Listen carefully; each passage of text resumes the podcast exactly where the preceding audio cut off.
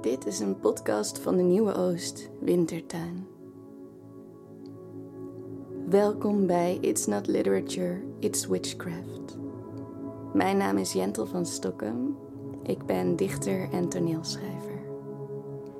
In maart 2021 verscheen mijn poëziedebuut Ik zeg Emily bij uitgeverij Hollands Diep. Een dichtbundel waarin ik mij probeer te verhouden tot de dode schrijver Emily Bronte. Door de Nieuwe Oostwintertuin ben ik gevraagd om mijn ideale talkshow samen te stellen. En daar luister je nu naar. It's Not Literature, It's Witchcraft is een podcast tweeluik, waarin ik met verschillende schrijvers in gesprek ga over bezweren, intuïtie, hekserij, tarot en hoe zich dit tot het schrijverschap verhoudt. In deze aflevering hoor je drie stemmen. Asha Karami, Annemieke Dannenberg en mijzelf. Asha Karami is dichter, jeugdarts en ringarts bij vechtsportgala's. In 2018 werd ze tweede op het Nationaal Kampioenschap Poetry Slam als anti-performance performer. Haar debuutbundel Godface werd lovend ontvangen en haalde onder andere nominaties binnen voor de Herman de Koningprijs en de Grote Poëzieprijs. Dit is het tweede deel en de laatste aflevering van mijn wintertuinsessie It's Not Literature, It's Witchcraft. Maar misschien kunnen we gewoon beginnen met uh, dat je een paar van je droomnotities of je droomgedichten, hoe noem je ze? Ik noem ze, uh, ja, het, het, is dus uh, mijn doorlopende nachtboek, noem ik ze dan. Mooi. Ja, ja, als je wil beginnen met een paar voorlezen. Ik heb ook zitten zoeken in de bundel naar momenten waarin iets wat ik had gedroomd terugkomt in een gedicht. Maar meestal heb ik daar al een soort van redactie op gepleegd. Maar ik kan dat wel dadelijk laten lezen. Uh, oh ja, ja. Ook. Dit zijn echt notities van de afgelopen dagen, denk ik. Um, dus gewoon, uh, ja, dus ik ga gewoon even langs. Ik, uh, het lukt me niet elke dag iets te noteren. Er zijn periodes geweest dat ik dat wel echt elke dag deed en dat ik ook echt s'nachts wakker werd. Uh, nu heb ik gewoon een beetje een drukke periode. Uh, dus het zijn soms gewoon maar één of twee regels. Oké, dan begin ik. 21.6, dat is dus vannacht. Ik ben de periode. 2. Oh, please. Ik ken deze town. We zijn alles wat er gebeurt. 16.6. Ik wil het allemaal later. 2. Game of iets dergelijks. Of serie, tekenfilm via kleine device. 30.5. Samen sneezers. A plastering of languages. 2.5. Ergens buiten elders. Nisha duikt in een klein watertje. Er is een soort insect dat ze in het water ziet en moet oppassen dat ze niet gestoken wordt. Dan filmt ze onder water. Ze volgt de geleedpotige die een kwal steekt. Met een lange, dunne zuiger. Het lichaam van de kwal is doorzichtig, dus we zien het erin penetreren en dat er dan een blauwe vloeistof wordt ingespoten. De kwal lijkt een gezicht te hebben, die eerst verbaasd kijkt, dan auw, auw, auw vele keren achter elkaar zegt en tenslotte lijkt te huilen. Dit filmpje stuurt ze me op en ik denk heel goed. Even later bedenk ik dat het viral kan gaan en misschien geld kan opleveren. Ik zeg het na een paar uur, maar dan blijkt het al naar verscheidene mensen te hebben gestuurd, ook naar de camping-eigenaar. Ik baal en boos dat ik niet snel reageerde. Ik zeg: Dit had je duizend euro of meer kunnen opleveren. 2. Making any money off the, uh, off the back of Serbian actors. 3. Allera schrijft iets op een muur, een soort rijmgedicht. 4 dat je alleen nog kan zeggen: Mijn moeder was dol op vlinders. 5. om de vraag groter te maken, klink ik nog even na. Ja, dat waren dan gewoon random dingen die ik net even opzocht. um, van dus de afgelopen tijd. En het is dus van uh, regels die soms gehoord of ge gelezen worden tot echt een uh, ja, soort verhalend iets wat je dan meemaakt en waar je dan echt een soort beleving hebt. Nou, zoals iedereen weet wat dromen zijn. Ik weet niet waarom ik dat uitleg. ja. Nou, nee, ik vind het heel fijn dat je dat eigenlijk wel doet. Ik denk dat iedereen weet wat dromen zijn, maar dromen verschillen ook heel erg van mens tot mens. En uh, heb ik het idee tenminste. Ik heb zelf periodes waarin ik heel weinig droom, of bijna niet. En dan nu weer een tijd waarin ik best wel veel en onstuimig droom, eigenlijk. En wat ik heel mooi vond net om te horen, was dat er heel veel zinnen zo tussendoor komen. Waarvan ik denk, ja, die hadden ook in jouw gedichten kunnen staan, eigenlijk. Dat heeft iets met de dans ervan te doen, denk ik. Maar ook met de oprechtheid en dat het niet altijd voorspelbaar is wat er gebeurt. Wat ook wel iets is wat ik heel kenmerkend vind voor jouw poëzie. Eigenlijk. Want er was ook een punt waarop je bent begonnen deze ook voor te dragen. Tenminste, ik heb jou volgens mij bij de bundelpresentatie van Maarten van der Graaf ook een droom horen doen waar Maarten ja, in voorkwam. Ja, ja, want je droomt op een gegeven moment over iedereen. Of tenminste, als je daarmee bezig bent, ja. dus je schrijft ze op, dan merk je hoe iedereen die je één of meerdere keer hebt ontmoet, zomaar in je droom kan opduiken. Um, ja, uh, en nou ja, het, ik, het, ik weet niet, ik vind het dan soms leuk om ze dan ook voor te dragen. Ik weet niet. Um, terwijl de me ja, ik ken ook heel veel mensen die gewoon helemaal geen dromen willen aanhoren. Of uh, meteen zoiets hebben van, uh, doe maar niet. Annemieke Dannenberg schrijft gedichten en verhalen. Ze studeerde creative writing en religiewetenschappen, maakt beleveniskunst en leest tarotkaarten. Ze publiceerde onder andere op Sample Canon en via de buren begon ze de literaire tarotlijn.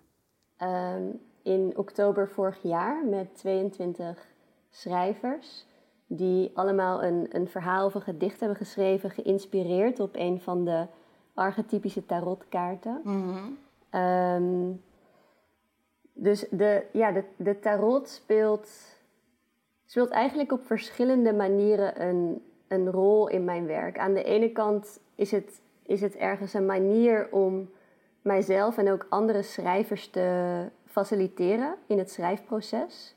Dus bijna als, alsof de kaart de aanleiding kan zijn om met beelden uh, nieuw werk te creëren. En, en aan de andere kant speelt tarot een rol uh, in de zin dat ik het geven van tarotlezingen fantastisch vind.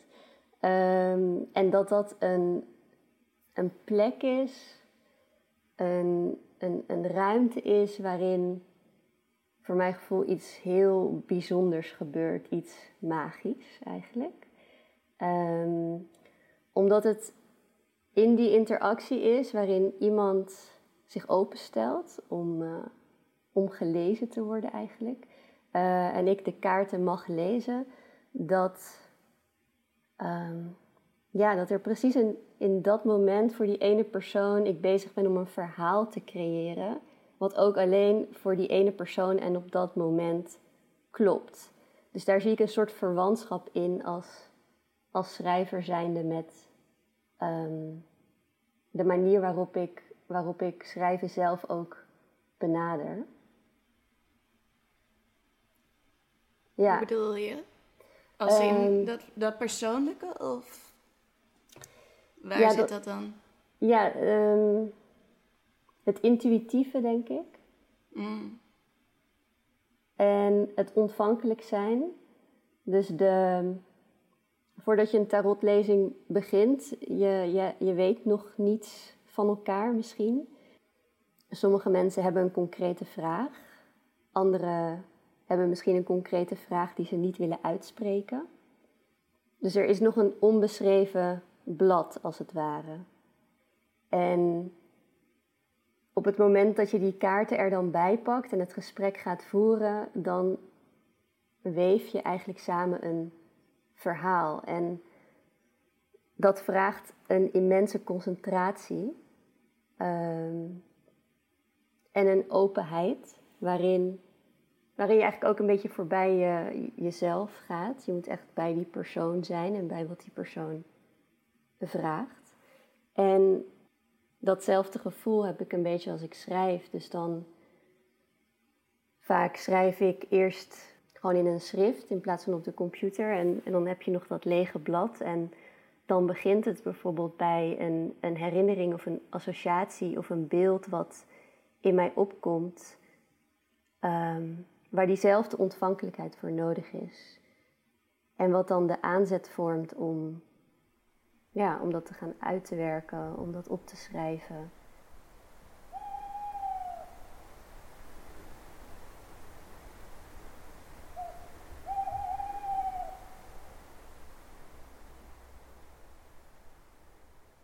Heb, uh, noteer jij ze alleen als ze zich aan je opdringen of is het, ben je sowieso geïnteresseerd in dromen? Ik noteer ze eigenlijk alleen als ze zich echt aan me opdringen. Ik heb in mijn telefoon een paar notities staan. Uh, de eerste die ik nu zie is Roos over synchroniciteit vertellen. Uh, maar ik heb ook wel stukjes droom in Ik zeg Emily verwerkt. Er zit bijvoorbeeld in één gedicht een moment waarop er, waarop er een kooltje uit een haardvuur valt. En dat zit in, de, in het gedicht Bam, daar komt mhm. Lockwood binnen. Of het gedicht heet eigenlijk Bam. En dan uh, staat daar op een gegeven moment in... Ik kan elegant naast het haardvuur zitten. Er springt een kooltje uit. Er ontstaat een brandplek op een houten plank. Een zwarte cirkel met een kern. En dat is bijvoorbeeld ook iets wat ik heb genoteerd. En dat ik dacht, oh, dat kan ik gebruiken.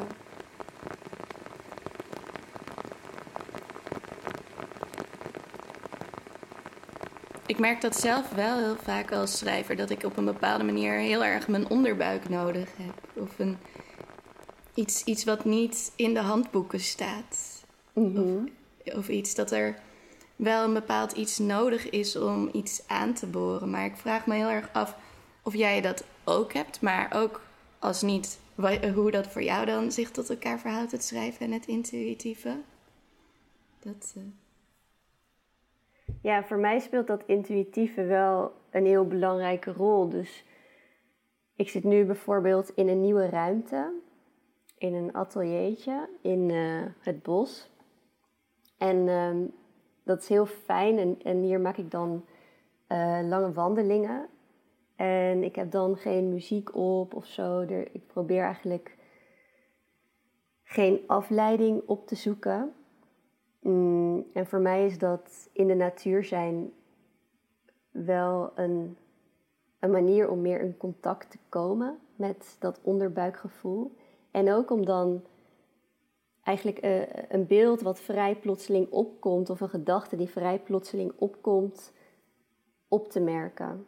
En vaak is dat voor mij als schrijver ook het, het begin van een verhaal. Dus dat ik dan opeens denk van... Oké, wat als er een wereld bestaat waarin iedereen verplicht mantelzorger zou zijn... voor iemand die ze niet kennen?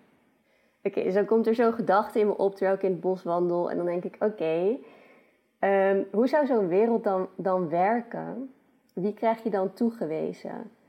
Zijn er dan bijvoorbeeld cirkels om jou als, als mens heen zijn er bijvoorbeeld mensen die je niet kan toegewezen krijgen, bijvoorbeeld je ex-geliefde?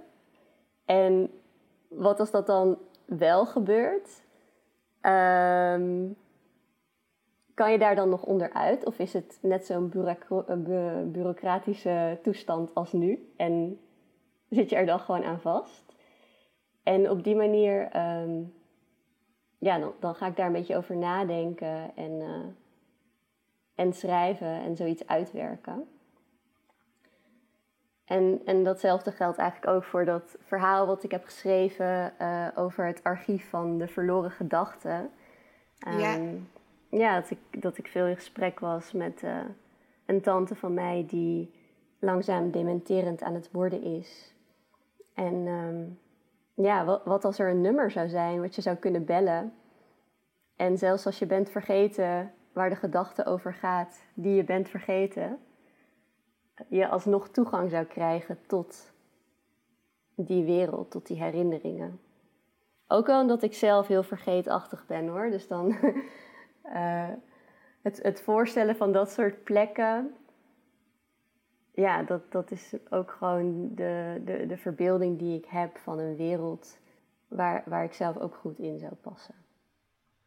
Ja, het voelt een beetje alsof je een speerpunt aan het maken bent en daar dan vervolgens steeds meer naartoe aan het bewegen bent.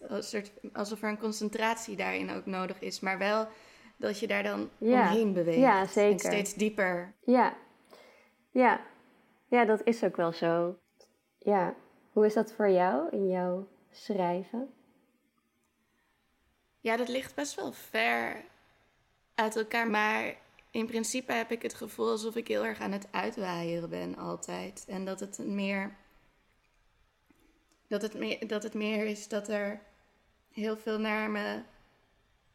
Dat ik ook aan het doorassociëren ben ergens op, maar ook.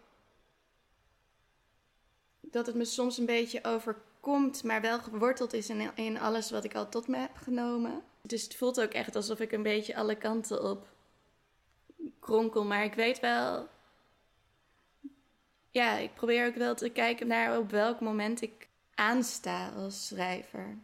Ja, ik heb soms het gevoel alsof er iets, uh, ook een bepaald soort concentratie nodig is. Een dieper soort concentratie dan ik heel vaak kan opbrengen. En op het moment dat ik daar aankom, dan kan ik dat uitwaaieren doen. En ik kan ook prima een gedicht schrijven zonder die concentratie, maar dan wordt het zo voelbaar dat dat ontbrak. Hmm. Ja, dat is fascinerend hoe je je kan concentreren in een droom of zo. Of dat, het, dat er een bepaalde, ja, um, dat je ook bijvoorbeeld soms iets kan ruiken of uh, kan voelen. Mm uh, dat ja, vind ik wel fascinerend. Dat moet wel iets zeggen voor mijn gevoel. En ik, wat ik ook fascinerend vind, is dat uh, in, een droom sta je ook een beetje buiten de geschiedenis of zo, omdat de tijd, uh, er, uh, tijd bestaat niet zoals we het normaal meemaken. Dus identiteit bestaat ook niet zoals we het normaal meemaken. Dus dan kan je, soms ben ik gewoon iemand anders in een droom. Of, of ben ik bijna een soort, al, een soort dat, dat ik het overzie of zo. En ben ik niet eens iemand in de droom zelf. Dat soort dingen vind ik, dat vind ik gewoon een fijne plek of zo om in te kunnen nemen. Dus vandaar dat ik het uh, fijn vind om ook te verkennen, omdat uh, om de, ja, er zit een soort bepaalde vrijheid in die ik denk alleen maar kan, dat, dat ik zelf alleen maar kan vergelijken met bijvoorbeeld psychedelica of zo, waarin ook tijd, ruimte en persoon helemaal oplost. En dat je ook inderdaad even iemand anders kan zijn tijdens zo'n trip of zo. Dat je gewoon andere posities kan innemen of helemaal weg kunt gaan en terug kunt komen of zo. Ja, maar dat voelt ook wel heel erg. Ik heb heel erg geprobeerd om te duiden waar ik ben op het moment dat ik bijvoorbeeld poëzie schrijf. Op het moment dat ik in een gedicht probeer te komen en denk: oh ja, nu is het punt waarop ik me in het gedicht bevind een soort van recht in die, ja, in die roes zit, eigenlijk. En ergens is dat ook een vergelijkbaar punt, waarin ik zo ergens in, in een hyperconcentratie me bevind. En aan de andere kant eh, dat overkoepelende, dat bijna metaperspectief. Ja, inderdaad. Misschien heb je het soms zelfs bij lezen of als je een film kijkt of zo ook misschien. Of een iets. Dat je dan ook even, of misschien zelfs als je natuur observeert, kan je het misschien zelfs ook hebben. Misschien kan je het veel vaker hebben dan ja. Uh, maar dit is zo opgedrongen uh, dat, dat het net anders voelt of zo. Je kan er niet aan ontsnappen of zo. Er is echt een soort crisis of zo op dat moment. Dat je uh, psychedelica hebt ingenomen of droomt of zo. Dan uh, is er een soort. Ja, je, je kan daar niet zomaar uitkomen. Terwijl als je aan het mediteren bent of iets. Ja, ergens in meegaat of zo, dan kun je daar nog wel makkelijk uitstappen.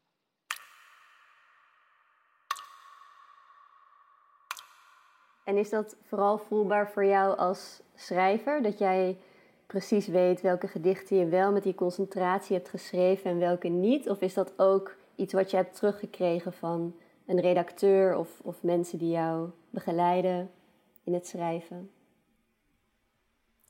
Dat is een goede vraag. Ik denk. Ik denk wel dat andere mensen het ook een beetje voelen. Vooral omdat het ook gedichten zijn waar ik dan met hun minder over, diep over in gesprek raak dan de gedichten waarin wel die concentratie aanwezig was.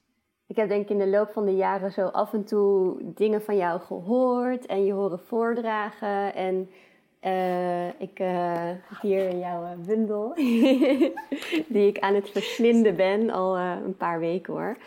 En, en dit, is, dit voelt wel als hoge concentratie. Dit voelt echt als poëzie die je meezuigt, die je opslokt en soms uitspuugt, die je verzwelgt en bezweert.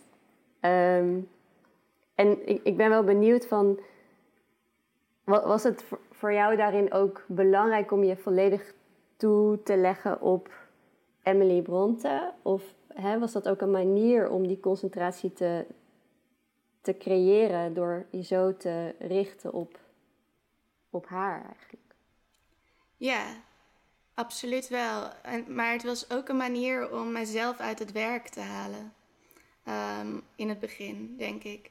Ik denk dat ik heel erg heb gezocht naar een manier waarop mijn verstand en mijn rationaliteit en mijn innerlijke critici en, en alle, alle, alle stemmen die ik eigenlijk altijd in mijn achterhoofd heb wanneer ik iets aan het maken ben. Van oh, het moet goed zijn. Oh, het moet niet daarover gaan. Laat het alsjeblieft niet confronterend zijn en alle, ja, of kwetsend voor iemand. Dat, ik moest dat allemaal uitzetten. En daardoor, daarvoor was het heel erg prettig om te zeggen: Ah, ik heb nu deze proxy. Uh, Emily Bronte en die um, communiceert. Die, die, die is eigenlijk dan een bron of een soort bliksemafleider voor, deze, voor de concentratie en ook de openheid waar jij het net ook over had, die dan nodig is voor dat schrijven. Dus, dat, dus wat dat betreft denk ik wel dat, dat, dat die focus nodig was. Ja, ja, mooi om, om je dan zo te verbinden met, met haar. Dat, dat krijgt dan meteen al iets bezwerends. Ja. Ja, en ik zoek dat bezwerende ook wel altijd, tenminste. Ik merk zelf ook altijd wanneer het mij overkomt in een zaal. Ik had dan Charlotte van den Broek ook gesproken, maar ik heb bij haar altijd heel erg het gevoel alsof ik ergens in word meegezogen of opgeslokt. En dat die taal ook een beetje om mij heen aan het twinkelen is bijna. En dat ik daar dan volledig in zit. Mhm. Of iets, dat is wel, ja. En waar ligt dat dan aan bij haar, denk je? Ja, ik denk ook dat dat, dat ook weer te maken heeft met een bepaald soort. Concentratie is zo'n gek begrip. Ja. Het is zo breed, breed inzetbaar. Ja, ehm, en voor schrijvers betekent het misschien ook totaal iets anders dan als je het gewoon hebt over uh, de basisschool waar je moet concentreren, weet je Maar dat laat ook zien hoeveel het moment van invloed is. Want als je dus niet er iets mee doet op dat moment, dan is het vluchten. Mhm.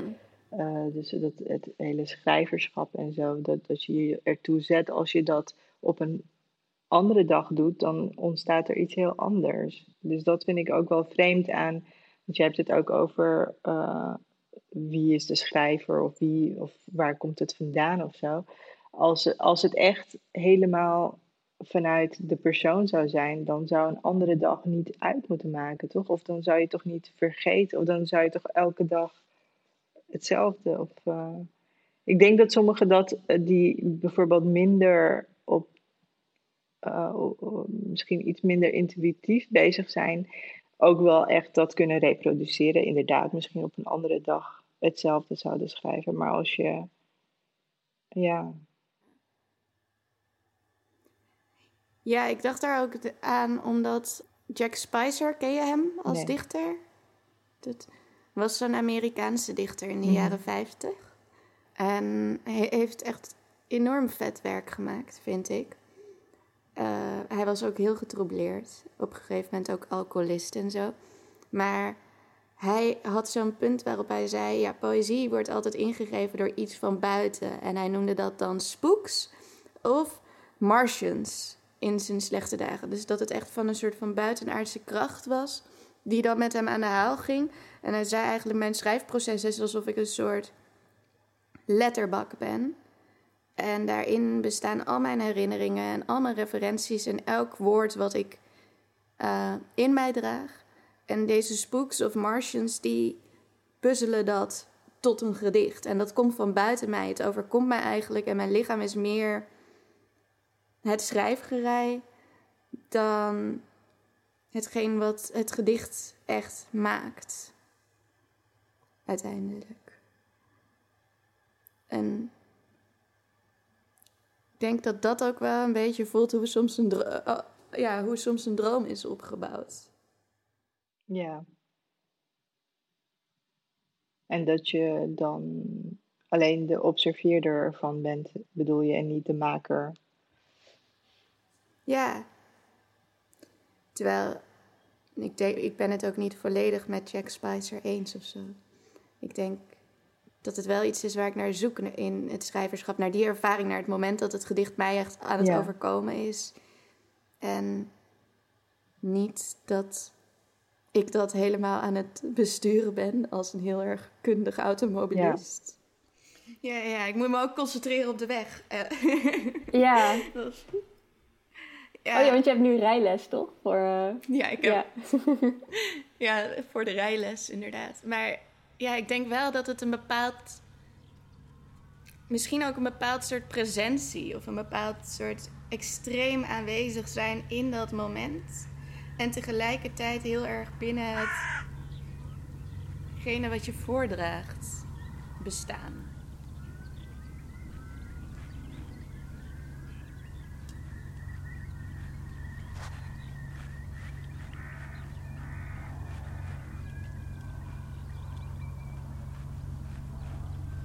Ja, ik heb uh, vorig jaar een boek gelezen over uh, non-dualiteit. En uh, volgens mij was het een tak binnen boeddhisme, waar die persoon, ja,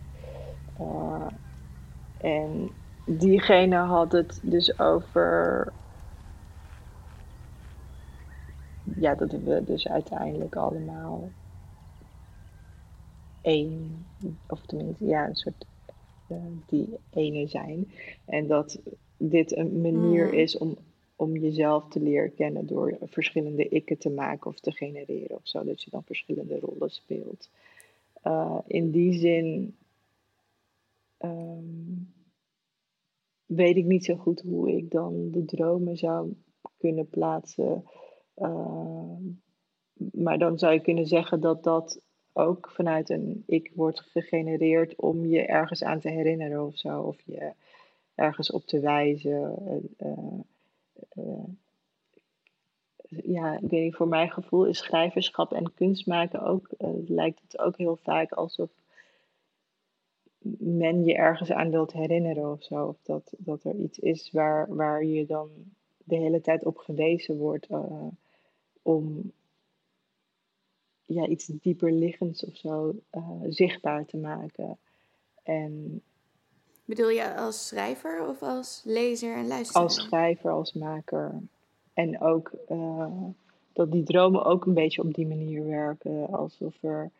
Uh, ik denk dat er daarom natuurlijk ook zoveel interesse is geweest in droomduidingen. Wat de betekenis is ervan of zo. Omdat er uh, wordt gedacht steeds dat dat dus een metafoor is ergens voor. Of dat het ons ergens op wilt wijzen of waarschuwen. Of uh, een weg, dat, dat je dan een bepaalde kant op moet gaan of wat dan ook. En dat heb ik soms ook wel bij kunst, dat als ik er naar kijk of als ik iets lees, uh, dat het dan uh, als een soort wegwijzer of zo kan werken. En, um, en dat het lijkt dat het allemaal dan weer richting jezelf wijst of zo op de een of andere manier. Weer terug naar binnen of zo. Ja, ja precies. En, en misschien is dat wel ook hetgene wat ik ervaar in het lezen van iemands tarotkaarten.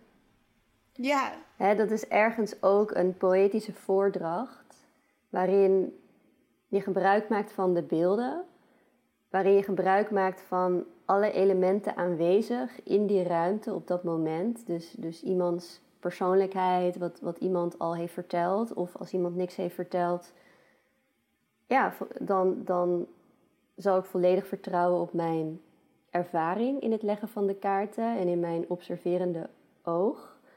Uh, wat, wat, ik voel in dat moment. En dat, dat, dat voelt heel magisch en poëtisch. En er is, er is zelfs geen voorgeschreven tekst die je kunt uitspreken. Um, er is geen bestaande structuur waarin je die lezing kan doen. Het, het, het vraagt een hyperconcentratie, een intimiteit met dat moment. Uh, en anders komt het niet over bij die persoon die je verwachtingsvol aankijkt en hoopt op duiding. En als het niet overkomt, ja, dan, dan heeft het geen zin gehad om die lezing te doen. Um, dus door, door die hyperconcentratie te, te creëren of door daar echt aanwezig bij te zijn, maak je zo'n moment betekenisvol. Ik denk dat, dat het lezen van tarotkaarten me meer heeft geleerd ook over het voordragen van poëzie.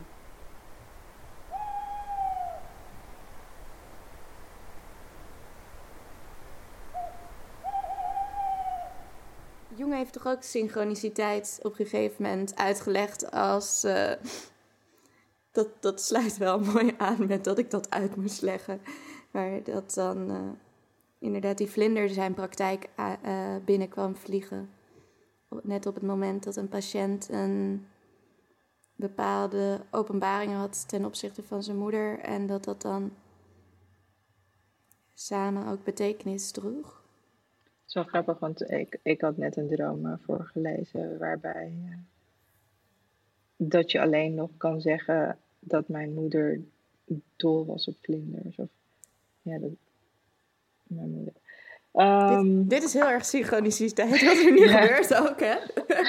ja. Ja, dat, dat, dat er zaken die niet meteen met elkaar verbonden zijn, een bepaalde samenhang lijken te krijgen. Een soort vreemd, een soort vreemd verbindend iets eigenlijk. Um, dat. Oh ja, Jung noemde als voorbeeld dat zijn patiënt hem eens vertelde over een droom waarin een scarabee voorkwam.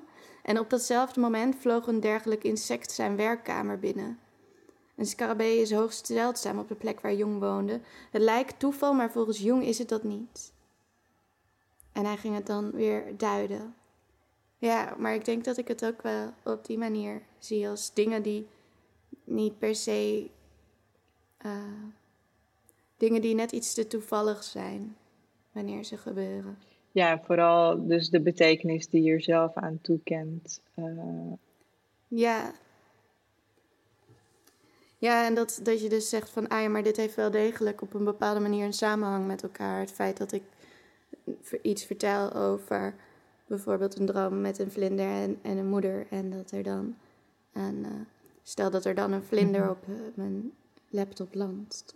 Ja, dan is daar meteen iets wat zich met elkaar mhm. verbindt. Eigenlijk.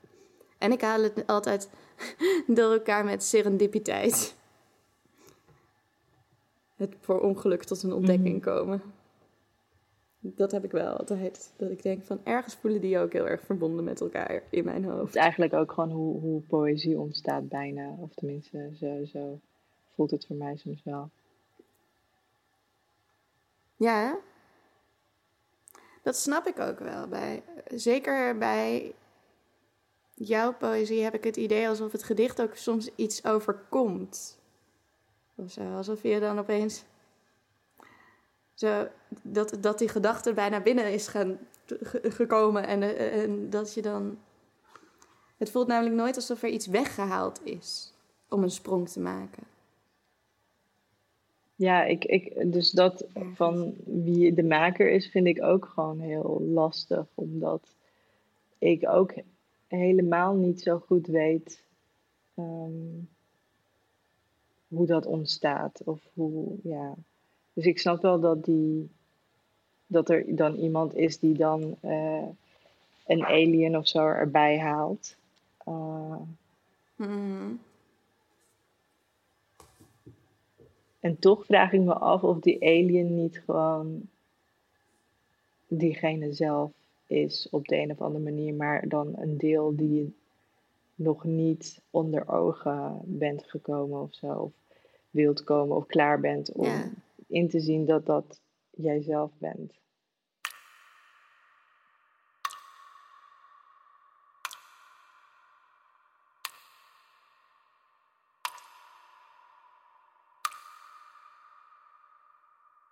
Ja, en ook het vertrouwen in wat jij daar eh, gaat zeggen. Ja. Dat dat waarde heeft. Ik weet, ik weet niet of ik me daar dan nog mee. Ja, misschien hou ik me daar wel mee bezig op dat moment. Maar het, is, het voelt dan niet per se als vertrouwen. Het is meer alsof ik op dat moment echt in het gedicht moet stappen en moet zeggen: Ja, ik ben nu dit aan het doen. Ik ga nu dit gedicht uh, belichamen. Ja. Of zo op een bepaalde manier. En bestaan in deze taal. Ja, ja. Dat is ook vertrouwen natuurlijk. Ja. Ja, dat, dat is inderdaad dat gevoel dat je ergens in moet stappen. En op het moment dat je uh, misschien stiekem nog aan andere dingen denkt en wat je morgen moet doen, of, uh, of je het mhm. gas wel hebt uitgedraaid, dan, ja, dan ben je er niet bij. En dan is het moment ook zo voorbij. En dan heb je niet die heerlijke euforie of dat, dat cathartische moment van net na het voordragen. Uh, en dat je, dat je, ja, dat je, je je eigen geschreven tekst hebt belichaamd, dat hebt gevoeld, die emoties door je lichaam hebt voelen stromen en dan weer terug in de werkelijkheid stapt. Dus dat is ook een beetje die, die ontgoocheling of zo die je dan kunt bewerkstelligen.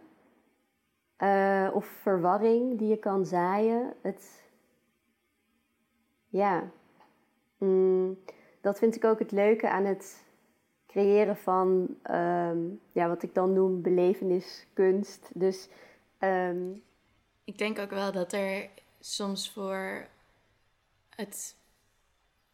Dat, dat het soms noodzakelijk is bijna om mensen een heel klein beetje te verwarren of een heel klein beetje te ontgoochelen. Omdat dan in dat moment waarop heel veel losstaat eigenlijk, eventjes. Alsof je alle, alle, alle pinnetjes eventjes in iemand losdraait. Dat, dat daardoor ook een ruimte ontstaat tot uh, nieuwe inzichten of nieuwe manieren van het duiden van de werkelijkheid of nieuwe betekenis vinden in Ja. Ja, het is echt die ont ontwrichting of zo. En Mhm. ehm, ja, dat is dus ook weer in de tarot eigenlijk. Dat je Ja. eh, een beetje ontwricht ehm, met, met de hoop op een nieuw perspectief op een situatie die, die je maar al te bekend is. We zijn nu alleen maar een beetje aan het gokken en zoeken en, en schrijven, maar ehm, ja, we, we- we weten het eigenlijk niet zo goed, denk ik. Of tenminste, ik weet het in ieder geval niet. Nee. Nou, ik merk ook altijd dat op het moment dat ik ergens een kloppend verhaal van probeer te maken, dat ik eh, eh, heel veel eh, verlies eigenlijk. Dat wanneer ik dan probeer te zeggen, oh ja, dit is precies hoe het werkt. Ik schrijf vanuit een bepaalde laag in mijn onderbewustzijn waar ik toch nog een beetje op kan reflecteren op een vreemde manier. Want ik heb ook mijn eh, schrijftechnieken eigen gemaakt in de loop van mijn bestaan. En dan van daaruit zou ik gaan vertellen hoe mijn bundel is ontstaan. Dan heb ik het idee dat ik daarin heel veel aan het verminken ben. eh, omdat, wat mij betreft, geen enkel gedicht op exact dezelfde manier ontstaat. Het is nooit op exact dezelfde wijze te reproduceren. Qua dat ik het enerzijds heel graag wil uitleggen, want ik wil dan altijd voldoen aan die vragen. En ik wil ook heel graag schrijftips geven aan de mensen en alles. En aan de andere kant eh, heb, ik, ja, heb ik het idee dat het iets is wat ik niet helemaal, wat niet helemaal uit te leggen valt. Uiteindelijk, behalve dat er heel veel jaren waren waarin ik heel hard werkte aan schrijftechniek eigen maken en zoveel mogelijk poëzie lezen en weten wat dat allemaal behelst. En dat er een punt was waarop het ging lopen in mij. Zelf ben ik niet zo van techniek of. eh, want dat gaat dan eerder in de weg zitten, omdat het dan voorspelbaar wordt hoe je begint eh, of hoe je eindigt. Of, eh, hoewel het natuurlijk eh, hou je altijd wel een beetje een soort van ehm, eigen stijl. Of dat iemand misschien kan herkennen, oh dat is een gedicht van die persoon, dat kan ik wel herkennen. Dus daar ontsnap je natuurlijk niet helemaal aan. Maar om echt een methode, dat, ja, dat lijkt me niet echt een reden om kunst te maken. Nee. Nee, inderdaad. Nou ja, het is, niet, het is natuurlijk niet een soort eh, drawing by numbers wat je doet. Zo van, oh, er is een lijn en die gaat nu naar de, van de 1 naar de 2, naar de 3, naar de 4. Dat is niet eh, hoe het werkt. Terwijl je dit zei, dacht ik wel, oh ja, wat, ik, wat mij wel soms helpt is om mijn cadans te vinden. Ik merk dat een bepaald ritme of zo, of een bepaald soort dat er een, bepaald, een bepaalde, zoals op het moment dat je lekker aan het bouncen bent. En soms heb je zo'n moment dat je echt heel erg de muziek voelt en al je gewrichten werken mee. En dat, dat heb ik wel heel erg nodig in de taal. Dat dat misschien wel mijn beste inkomstrategie is als schrijver. Misschien wordt het ook op een zeker punt voorspelbaar dat ik altijd dezelfde bounce moet vinden waarin al mijn gewrichten qua denken dezelfde Ja, dat wilde ik vragen. Heb je dat dan bij elk gedicht? Of laat je dan in een. Zijn er een paar gedichten waar je dat dan helemaal loslaat en dat het dan.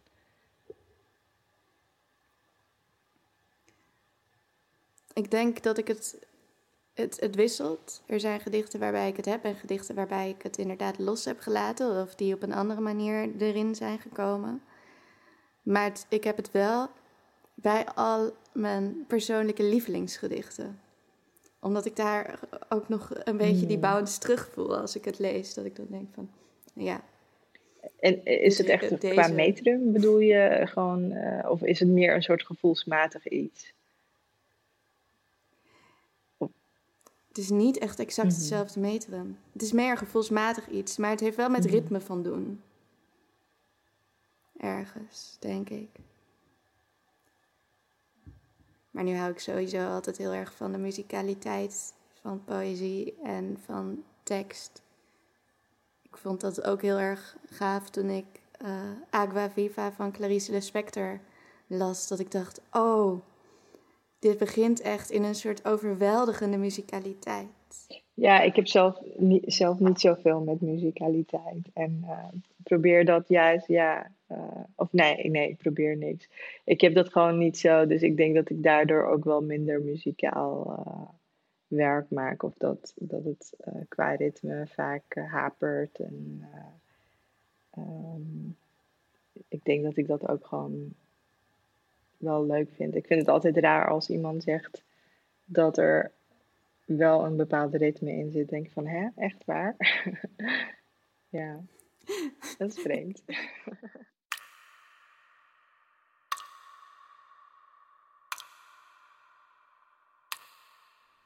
Geeft het je ook een beetje houvast dan soms of iets? Ik denk dat. Um, in het leven bedoel je? Ja, ja, ja. Ik bedoel de gro het grote betekenisvolle houvast. Dus de, de gigantische... Uh, de ultieme zingeving. Uh... De ultieme zingeving. Geeft het je de... um, nee, nee. Um, ik zie het wel als een spel. Ja. Um, een heel leuk spel. Um, en iets heel verbindends, maar het is niet uh, mijn bron van, van zingeving. Nee. ik, ben daar, ik ben daar zelf altijd een beetje huiverig voor. Of tenminste, ik ben er soms een beetje bang voor dat je dan in zo'n. Uh, in zo'n happiness hokje belandt. Of tenminste, dat, dat als ik dan tegen mensen zeg: Oh ja, maar ik leg wel tarotkaarten. En ik doe dat met enorm veel plezier ook. En inderdaad ook dat spel en de reflectie die daarbij hoort en alles. Dat voelt echt als een soort prettige manier van uh, nadenken over de wereld, leven, dat, alle dingen, alle grote dingen. Maar ik ben echt altijd wel een klein beetje op mijn hoede, denk ik, ergens. Ik vind het ook best spannend om hier dan iets over te maken. Omdat ik dan denk, oh god, dadelijk uh, val ik in die categorie. Terwijl aan de andere, in die happiness categorie of ja. iets. Ja. Terwijl aan de andere, ja. Nee, ik ben heel benieuwd wat je nu gaat zeggen. Terwijl aan de andere kant heb ik altijd heel erg veel plezier gehad om bijvoorbeeld een schrijfster als Shirley Jackson met een bibliotheek vol met occultboeken, die dan zei: Ik ga deze recensent vervloeken. En, uh, en, en, en die ook tarotkaarten aan het leggen was. En heel erg bezig was met een soort van iets wat buiten of zo boven de werkelijkheid hangt. Altijd. En dan haar columns over haar moederschap uh, bundelde in onder kopjes als Raising Demons en zo. Omdat ze oh, daar ook heel erg leaning into dat beeld wat van haar bestond als schrijver en heks of schrijver en... Ja. Dat vind ik dan ook weer super leuk achteraf en charmant. Dat trekt me ook aan, ja. merk ik dan. Ja, maar het is, het is um, moeilijk navigeren sowieso, denk ik, in het literaire veld. Uh, en misschien al wel helemaal als een vrouw die dan geïnteresseerd is in dat soort um, ja, aspecten. Dus het, het occultisme, de tarot. Klopt. Daar, daar zit, zitten enorme taboes op. En eigenlijk zijn die er nog steeds. Um, hoewel je zou denken dat dat minder is geworden. Um, maar ik kan me wel voorstellen dat, dat, dat je dat spannend vindt. Wat, wat is dan voor jou de reden om daar toch ja, het gesprek over te openen? Ik denk ik denk omdat het me altijd ten alle tijden ontroert wanneer er iets. Uh, wanneer er gezocht wordt naar iets wat misschien minder duidbaar is. Wat niet zegt, oh ja, dit is de receptor voor fotosynthese. Uh, of iets, maar dat, het, dat, het, dat, we, dat je zoekt naar bijna iets, iets anders in het schrijverschap.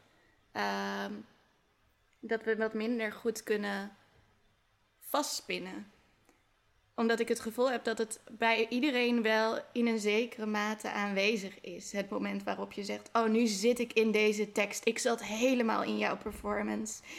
Um, ik, ja, ik heb een schrijfritueel. Ik steek een kaars aan. Dat het op heel veel manieren toch wel verbonden is, soms aan een bepaald soort magisch denken of iets ritueels of iets, ehm, iets, iets wat zoekt naar een betekenis buiten het zintuigelijke bijna. En ik heb het idee dat er dus ook een paar parallellen zijn tussen die manier van denken en bijvoorbeeld het leggen van tarotkaart of bijvoorbeeld het woord bezwering gebruiken.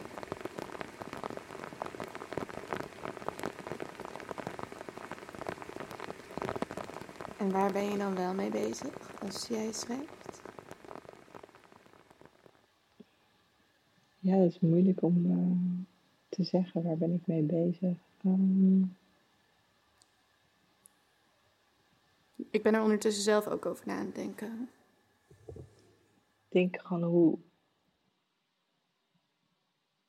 uh, ja, hoe taal klinkt en wat, dus inhoudelijk wat het betekent en uh, wat de wisselwerking is tussen de zinnen die je dan achter elkaar zet of de, de woorden die je er achter elkaar zet. Um, verder zit er soms uh, iets van een narratief in of zo, hoe dat dan loopt. Of dat uh, voor mijzelf speels, ja, dat, dat ik dan op een speelse manier probeer steeds iets verder te komen. Of dat er of vanzelf iets ontstaat. En um, waar ik dan tevreden mee ben en dan dat opschrijf. Um, ja, dus de klank op zich wel, maar niet echt een ritme. Dus daar ben ik me dan niet heel erg bewust van. En uh, ik merk dat als ik dromen noteer, dat er dan een soort van zelfsprekendheid in taalgebruik is, die ik op zich ergens ook wel herken uh, als van mij. En dat ontstaat dus ook als ik iets aan het schrijven ben. Dat, dat ik dan vanzelf op een bepaalde manier denk en uh, een zin tot me komt. Dat, dat, ja, op dezelfde manier als dat het in een droom gebeurt. Dat er dan opeens een zin daar ligt. En dat je dan denkt van, oh ja, uh, dat werkt misschien wel. En dan schrijf je het op. En, um, ja, soms gebruik je het en soms niet, maar ja, ik denk dat het gewoon op de manier waarop je denkt gewoon ontstaat. En... Ja. Ja, ik moest er eh, net een beetje gniffelen toen je voorlas en toen zei je op een gegeven moment, ik baal. Mm -hmm. En dat vind ik zoiets voor jouw poëzie, poëzie ook, om zo'n soort regel er tussendoor te hebben. Dat is net zoiets als: uh, ik lig eh, op de bank, maar ik zou mee moeten doen. Mm -hmm. Ik mhm. parafraseer nu met de revolutie. uh, ja. Ja. Dat, daar had ook een soort van ik baal ergens in kunnen zitten. Maar er was ook nog zo'n andere regel met geld waarvan ik dacht, ah ja, ja, dit voelt heel erg inderdaad als iets wat jij doet, waarin ook een bepaald soort uh, zorgvuldige constatering soms hmm. uh, een rol lijkt te spelen. Ja, ja.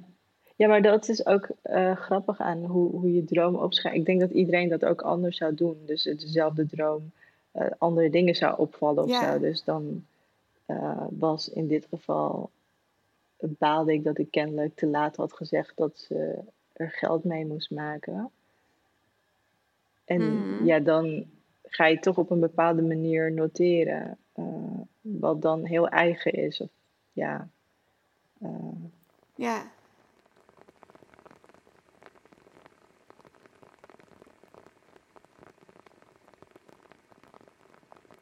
Is een hele machtige positie waar je toch wel als vrouw misschien minder snel in zit. Ja. Zo ja. Dat vond ik ook wel heel erg in jouw, jouw bundel of zo. Dat, um, ik, weet even, ik weet even niet welke bladzij. Maar um, je, je noemt ook een paar keer dan uh, uh, van ik ben onschuldig of die onschuld of zo. En dat, dat voelde bijna als een bezwering ten opzichte van hoe machtig die gedichten tegelijkertijd ook voelen. Dus hoe, um, hoeveel kracht er in schuil, schuil, gaat en die onschuld en de grote ogen. En de, uh, dat, dat is dan bijna een soort grap of zo. Ja. Um, ik vond dat heel interessant. Ik ben onschuldig in al onze verhalen. Ja. Mag ik je vragen om door te lezen, lezer? Want, ja. Ja, ja, dat stukje inderdaad. Ja. ja. Ja. Ja, dat voelde ook heel erg als een bezwering. Ja, maar ik had ook het gevoel. Dat is ook al best wel een wat ouder gedicht. Maar ik had wel het gevoel dat ik hem op het moment dat ik hem schreef, dat ik er echt volledig uh, present was in dat gedicht. En vervolgens wel nog een aantal keer herschreven en stukjes verschoven. Maar dat, dat ik uiteindelijk ook weer ben teruggegaan naar, een eerste, naar de eerste versie deels. Ja? Uh, nadat ik hem heel erg met hem had zitten stoeien. Omdat ik het gevoel had dat hoe meer ik eraan ging sleutelen, hoe meer het brak. Hoe, minder, hoe, hoe meer dat eruit ging. Dat turbulente wat, er in de, in, wat in de eerste versie aan het gebeuren was. Mm Ja. Ja, ik vind, het, ik vind het heel mooi, want dan zeg je zo... Lezer, ik kan het kwetsbaar vragen. Mijn ogen groot, pupillen wijd, alsof ik de wereld op wil slokken... zoals ik gretig de wereld op wil slokken en het zal je bevallen. Omdat het je een gevoel geeft van macht. Je denkt dat ik jou wil, niet de wereld. Het zal je bevallen. Mm, ik was net ook aan het nadenken over waar het bij mij... Uh, waar, waar ik zo allemaal mee bezig houd tijdens het schrijven. Dat, het, dat de taal soort van aan het glijden is. Uh, op een bepaalde manier. Dat is iets waar ik me mee bezig houd. En soms heel erg met de emotie waar ik in zit. Wat bedoel je daarmee? Ik, uh... Nou, dat, het, dat ik soms het idee heb dat er een punt is waarop er een heel emotioneel luik in mij mhm. open gaat. En dan, dan, dan, dan gaat het schrijven opeens als een tierenlier, eigenlijk. Als ik bijvoorbeeld heel boos ben of, uh, of gekwetst of iets. Of heel gelukkig.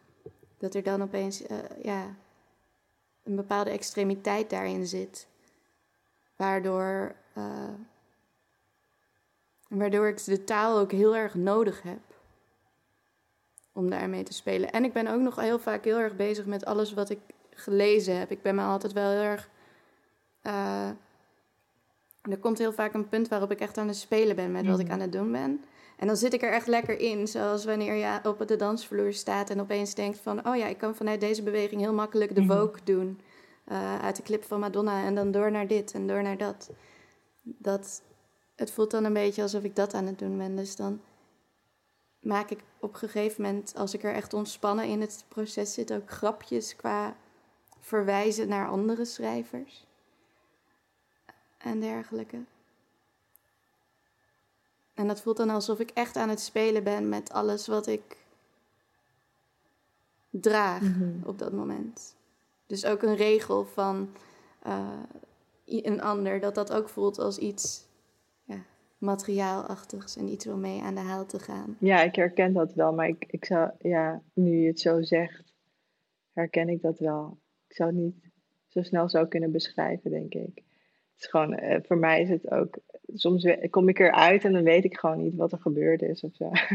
Maar het lijkt alsof jij veel meer bewust probeert te zijn wat je aan het doen bent of zo. alsof dat gewoon heel belangrijk voor jou. Ook dit gesprek natuurlijk, dat je die gesprekken daarover laat gaan. Ja. Want uh, ik doe het en dan is het zo van: oké, nu, nu moet ik koken of nu moet ik dit. Of ik, ja, ik heb dan weer iets anders te doen of zo. Ik ben, dan lees ik het denk ik van, oh, nou, oké, dat was, uh, ging eh, best goed of slecht vandaag. maar uh, ja. Ja, dat is ook, ik denk dat dat ook komt doordat, doordat, in mijn, doordat ik wel weet dat er bepaalde dingen voor mij heel belangrijk zijn. Dus bijvoorbeeld als ik dan zeg, oh ja, ik heb een poëtica waarin ik zoek naar een poëzie die bezwerend moet werken. En dat ik eigenlijk een beetje die poet's voice aan het onderzoeken ben. En wanneer, uh, waar ligt dan een soort van de grens tussen rituelen en, en het schrijfproces en zo. En wanneer voelt poëzie als iets wat verhevener wordt of um, in ieder geval minder van mij is. En dergelijke.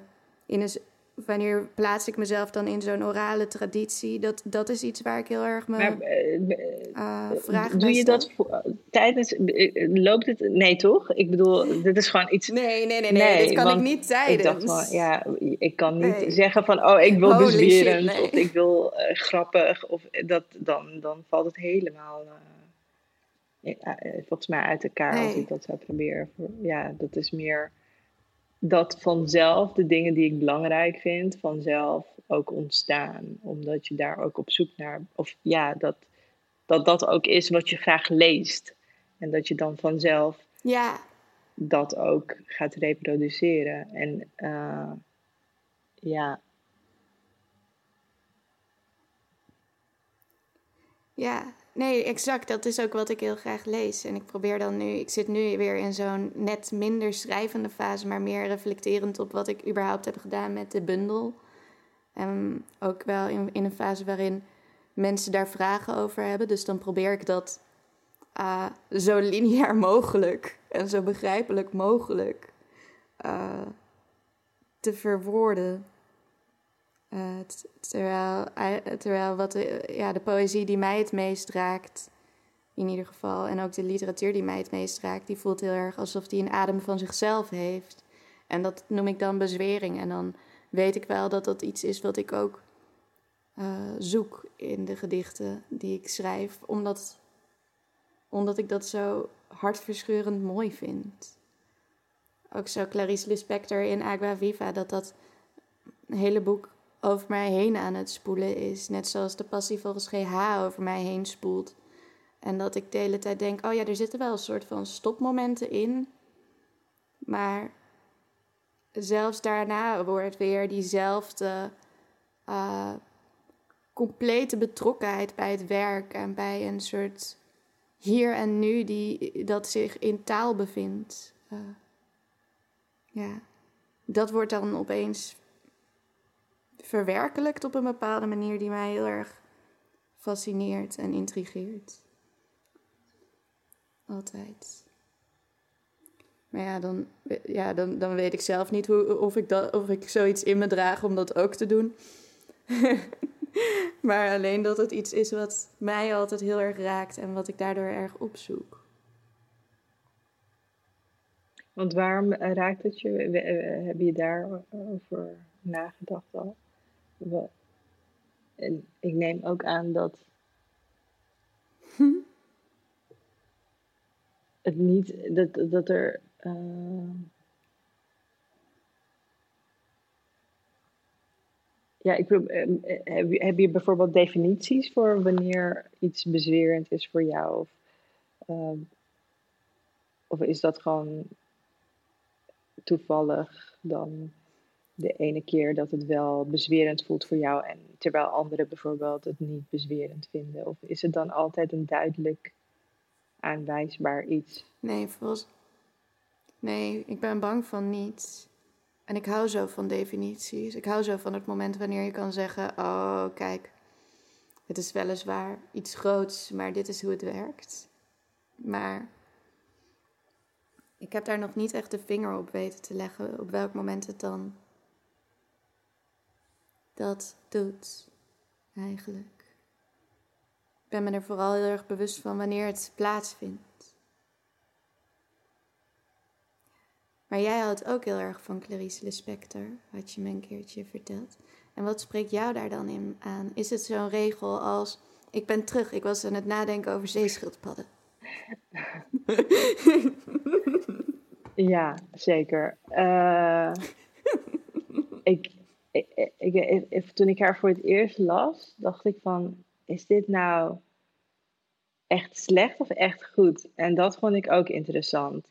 Omdat er, er, was een soort naïeve, naïviteit of zo, of een soort van om, om beholpenheid. Of bijna gewoon.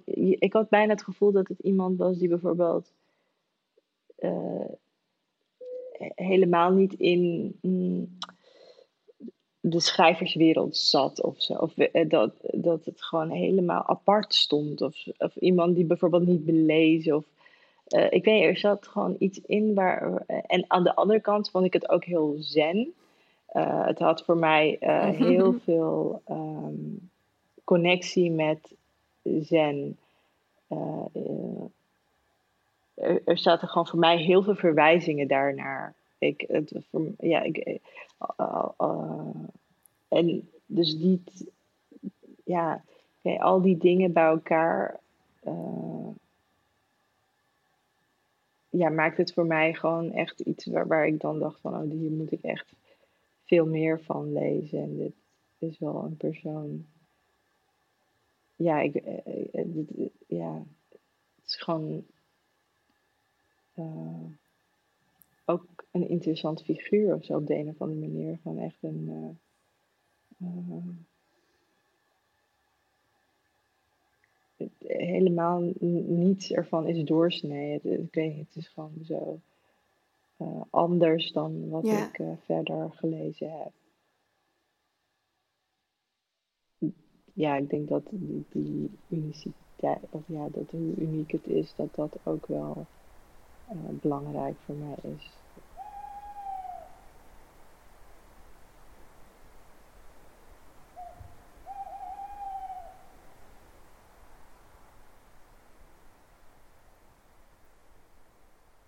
Ja, ik ben mij daar ook wel terdege van bewust dat, uh, dat ik ten alle tijde kwetsbaarder overkom dan ik ben. Maar ja, dat er. Dat, ik ben mij er altijd wel bewust van dat er ook soms iets heel kwetsbaars van mij uit kan gaan. En is dat dan iets uh, wat je inzet of wat, waar je mee speelt? Het is iets wat ik heel complex vind. Omdat ik altijd het, omdat ik heel graag heel krachtig wil zijn. En ik ben redelijk autonoom ingesteld. Uh, en vind het fijn om dingen zelf te doen, dingen zelf te kunnen. En, uh, en dingen te maken. En ik heb het idee dat het. Ja, ik, ik, ik verhoud me daar op een complexe manier toe. Het is soms wel handig om, uh, om, om, om die kaart te kunnen spelen. Van, om, om je er bewust van, ervan te zijn dat je soms wordt onderschat uh, in een vergadering, in een ruimte. Um, en, en, en soms is het uh,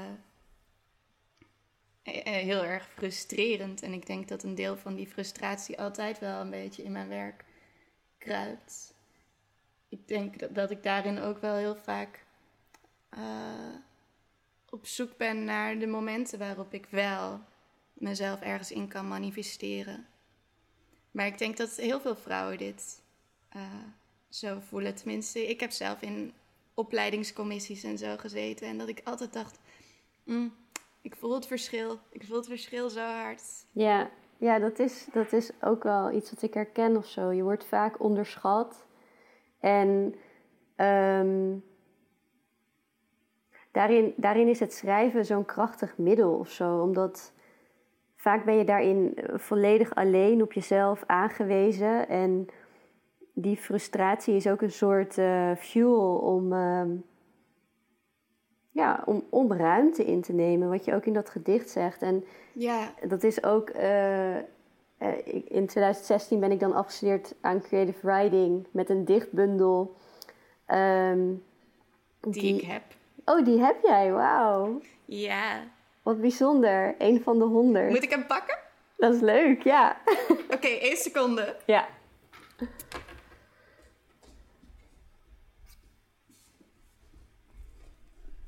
Oh, wat leuk. Je hebt hem gewoon. Staat er op de achterkant ook welke welk nummer? Even kijken hoor. Ja, want ik weet nog dat ik jou hieruit zag voordragen. En dat dat mij uh, enorm heeft ontroerd. Er staat geen nummer. Ah. Nou ja, je hebt in elk geval één van de honderd.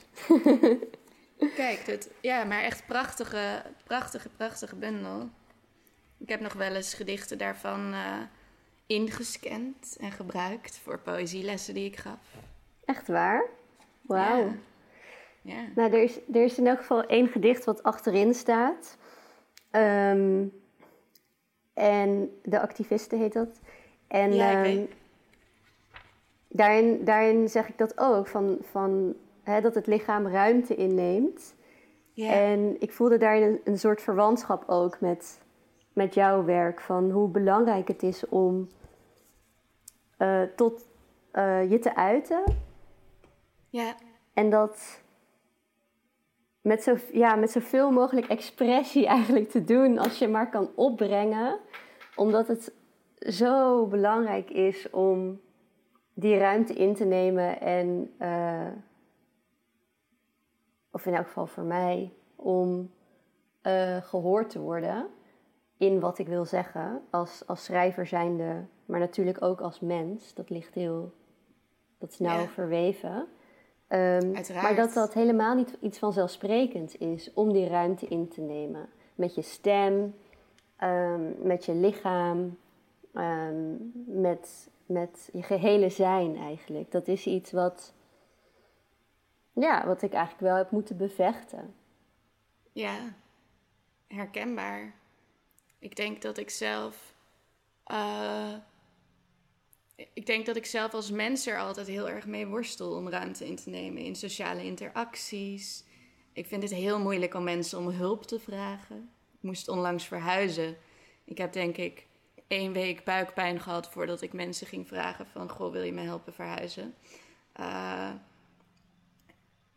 maar dat, er zijn heel veel vlakken waarop ik het gevoel heb dat ik dat heel zwaar vind. En, maar tussen mij en de pagina is het nooit zwaar Ja, om ruimte in te nemen. En mij en het, tussen mij en poëzie voelt het altijd alsof daar een vrijplaats ont- eh, ontstaat. Daar een soort cirkel is in het bos en ik mag daarin gaan staan. Prima. ja. En daar mag ik. Het, daar mag ik dingen maken. Maar ik heb dat ook moeten bevechten. Ik denk dat dat. Ik denk dat ik heel lang eh, wel ook heb. eh, ook gedichten heb geschreven. de- die niet bij me pasten. Maar die ik meer schreef omdat ik voelde dat er in po- poëzie die potentie lag tot het innemen van die ruimte. Maar ik durfde nog niet eh, dat te gaan doen. En in plaats daarvan ging ik dan poëzie schrijven die voldeed aan eh, wat poëzie zou moeten behelzen.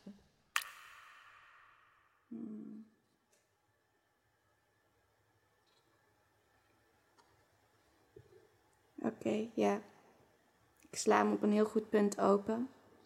Dus dat past bij het gesprek, denk ik. Er bestaat een verhaal waarin iemand van mij droomt. Maar het is een verhaal dat ik niet ken. In dit verhaal verlangt niemand naar de dichter in mij. De dichter in mij is afwezig en niemand verlangt naar de schrijver die mij bezit. Alle vogels zijn goede vogels. Te zien aan kleine snavels, kleurige veren, de schichtige motoriek.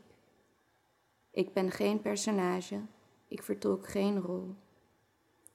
Aan de andere kant vraag ik degene die zich nooit een rol heeft aangemeten als een pelsjas zich te melden aan de balie. Ik heb vragen. Meld je bij de winkel waar dit boek werd gekocht, de verkoper weet ervan, de boekverkoper heeft mijn nummer. Ik vraag hetzelfde aan wie mij mist, of denkt dat ik voor hen besta. Dit baseert op een vaag voorgevoel en lucide dromen. Ik vraag het aan wie mij haat, liever mijn bestaan negeert, wegkijkt wanneer ik een ruimte betreed. Er is een balie, meld je. Lucide dromen zijn een voorteken van paranormale vermogens.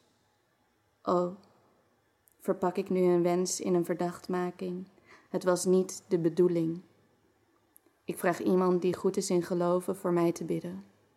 In het juiste licht bestaan de veren van kraaien uit oneindig veel tinten, zwart, blauw, grijs. Ik streel de snavel van een kraai, het valt me mee. Mooi. Ik sloeg hem hier open. Zo passend. Zo. Oh, wauw. het moest zo zijn. En, en wat was voor jou het omslagpunt dan? Dat je, dat je die stap kon maken van: oké, ik uh, fuck die norm van wat poëzie zou moeten behelzen. Ik ga ruimte innemen met wat ik wil zeggen. Ik denk dat er voor mij wel heel veel veranderd is op het moment dat uh, de relatie die ik heel lang had uitging. En uh, opeens woonde ik voor het eerst in jaren echt helemaal op mezelf. En daardoor ontstond er ook een soort. Uh, ja, daardoor ontstond er ook een fysieke ruimte waarin ik dingen uit kon gaan proberen. En dat ik ook. Ik denk dat daar echt wel een emotioneel omslagpunt was, omdat ik op dat moment wel heel veel ging schrijven. Ook omdat het niet meer. Niemand had er last van als ik tot vier uur s'nachts uh, met een kaars aan of zo mompelend voor mijn laptop gedichten aan het maken was. dus dat, yeah. dat er opeens heel veel ruimte ontstond, ook in het schrijfproces, om, uh, om, om op een bepaalde manier mezelf te laten gaan. En vervolgens uh, had dat meteen ook heel erg weerslag op het werk dat ik aan het schrijven was. Terwijl heel veel van de thema's die ik dan hand, die, heel veel van de thema's in de bundel, die zaten al in ook oudere gedichten. Maar het was alsof daar altijd een hele kleine knip nog op zat. Een hele kleine. Oh ja, de deur staat een stukje open, maar uh, niet te ver, want we weten nog niet wat erachter zit. En ik denk in het alleen zijn ontstond er heel veel ruimte om te achterhalen wat daarachter zat. En ook. Uh, en ja, ik denk dat daarin iets uh, fijns is gebeurd voor mij. Ja, ja dat kan ik me wel voorstellen. Het is toch dan weer om bij Virginia Woolf uit te komen dat een schrijver echt wel een, een eigen ruimte nodig heeft. Ja. Ja, waar, uh, waar je niet gestoord wordt. En, en, en die, die rituelen die je nodig hebt om te schrijven, niet gezien worden eigenlijk. Of ja, in elk geval niet veroordeeld worden. Maar daarvoor is het, het niet gezien worden in dat precaire schrijfproces misschien wel heel belangrijk. Tenminste, ik herken dat heel erg. Ik wil ook niet dat iemand in de ruimte is als ik schrijf.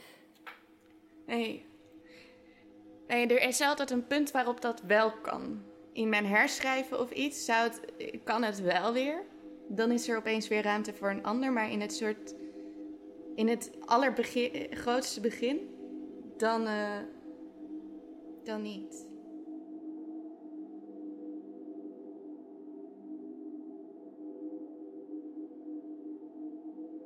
Ik was ook. Um uh, een tijdje één kaart kwijt uit mijn tarotkaartendek. Uh, en dat was de dood. Oh. Um, dus ik vond dat ook een heel onheilspellend gevoel. Want ik dacht, wanneer komt hij nou terug? Tevoorschijn. Ja, maar zoals ik net al zei, ik ben vrij vergeetachtig.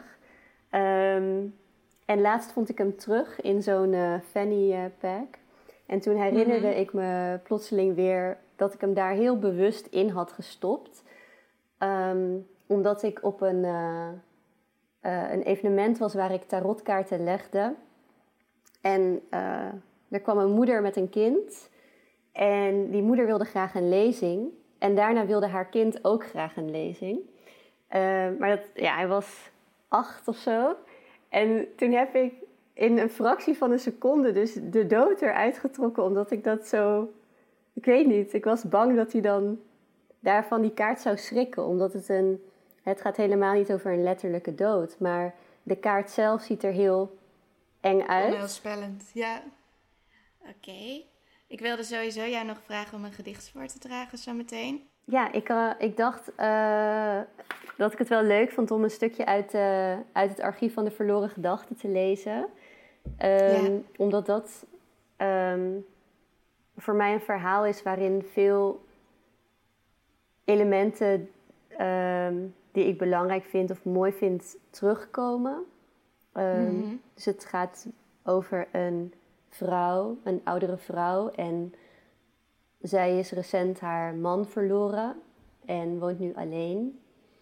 Ehm, en ze is vrij vergeetachtig en komt dan in de jaszak van, uh, van de jas van haar man, die nog steeds aan de kapstok hangt, een kaartje tegen met een telefoonnummer naar het archief van de verloren gedachten.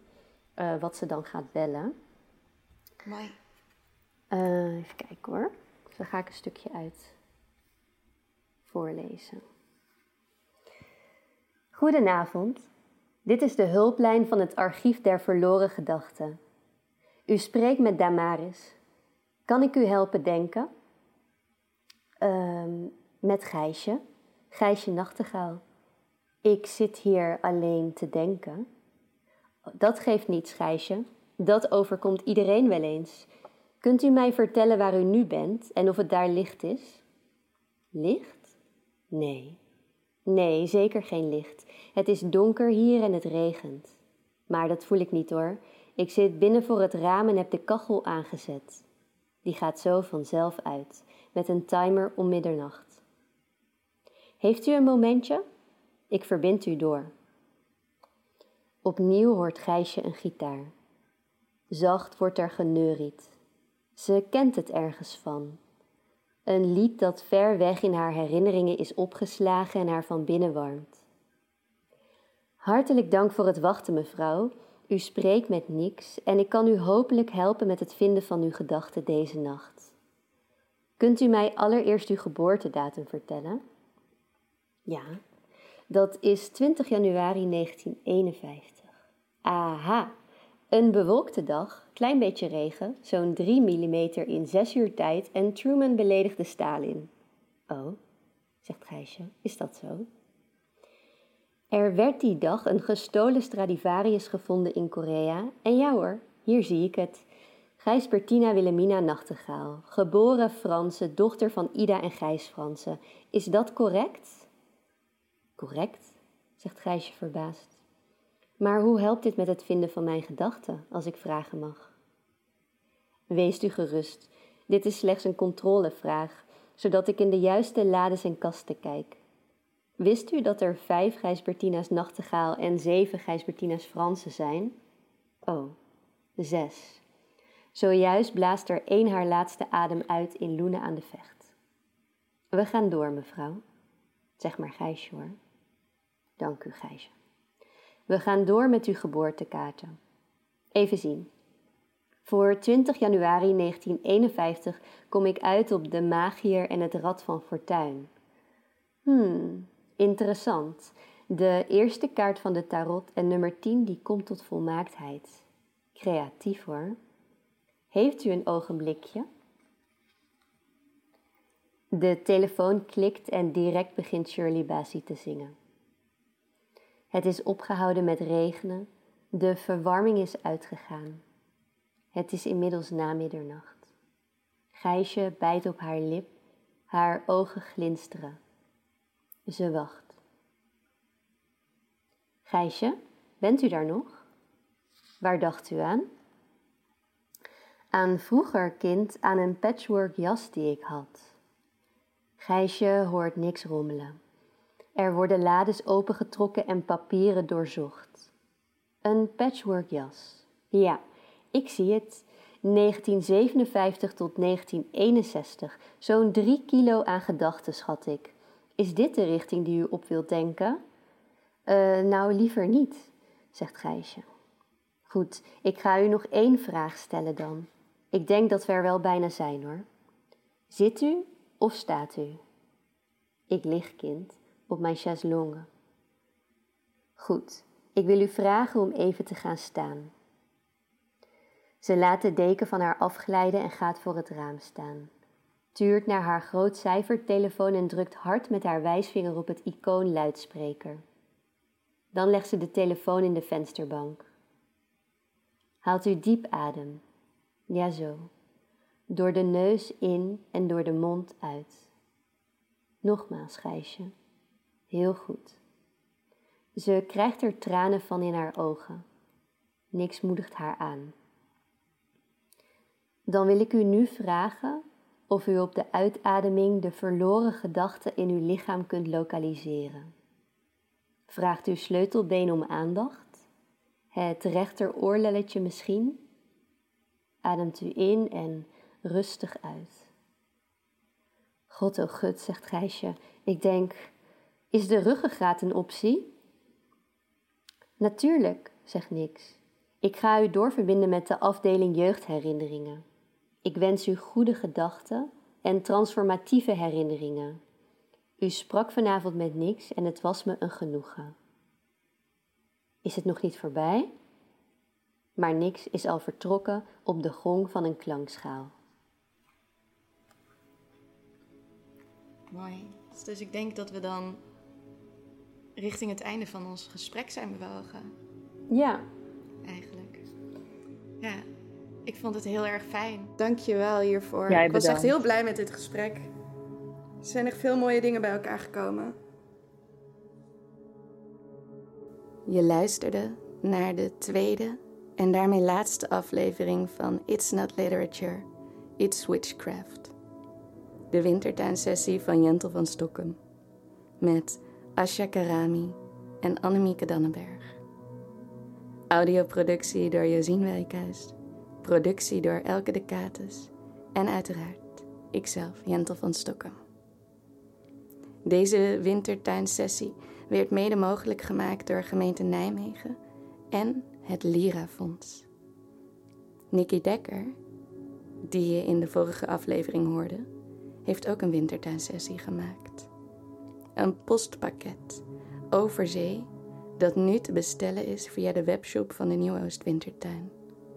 Doe dat vooral. Het is echt heel erg mooi. Dit was een podcast van de Nieuwe Oost Wintertuin.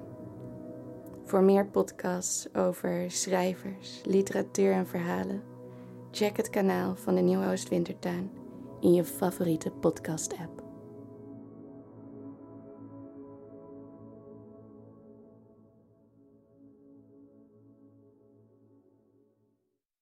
Ik ben Smita James En ik ben Chris Lomans. en wij zijn de staat van het verhaal. Een plaats voor onvergetelijke verhalen. Wij zijn op zoek naar verhalen die van maatschappelijke waarde zijn. En daar kun jij aan bijdragen. Heb je een verhaal dat je in onze podcast wilt delen? Een persoonlijke ervaring, een familieverhaal of nog iets anders? Meld je dan aan op www.destaatvanhetverhaal.nl. De staat van het verhaal is een podcast van de Nieuwe Oost Wintertuin.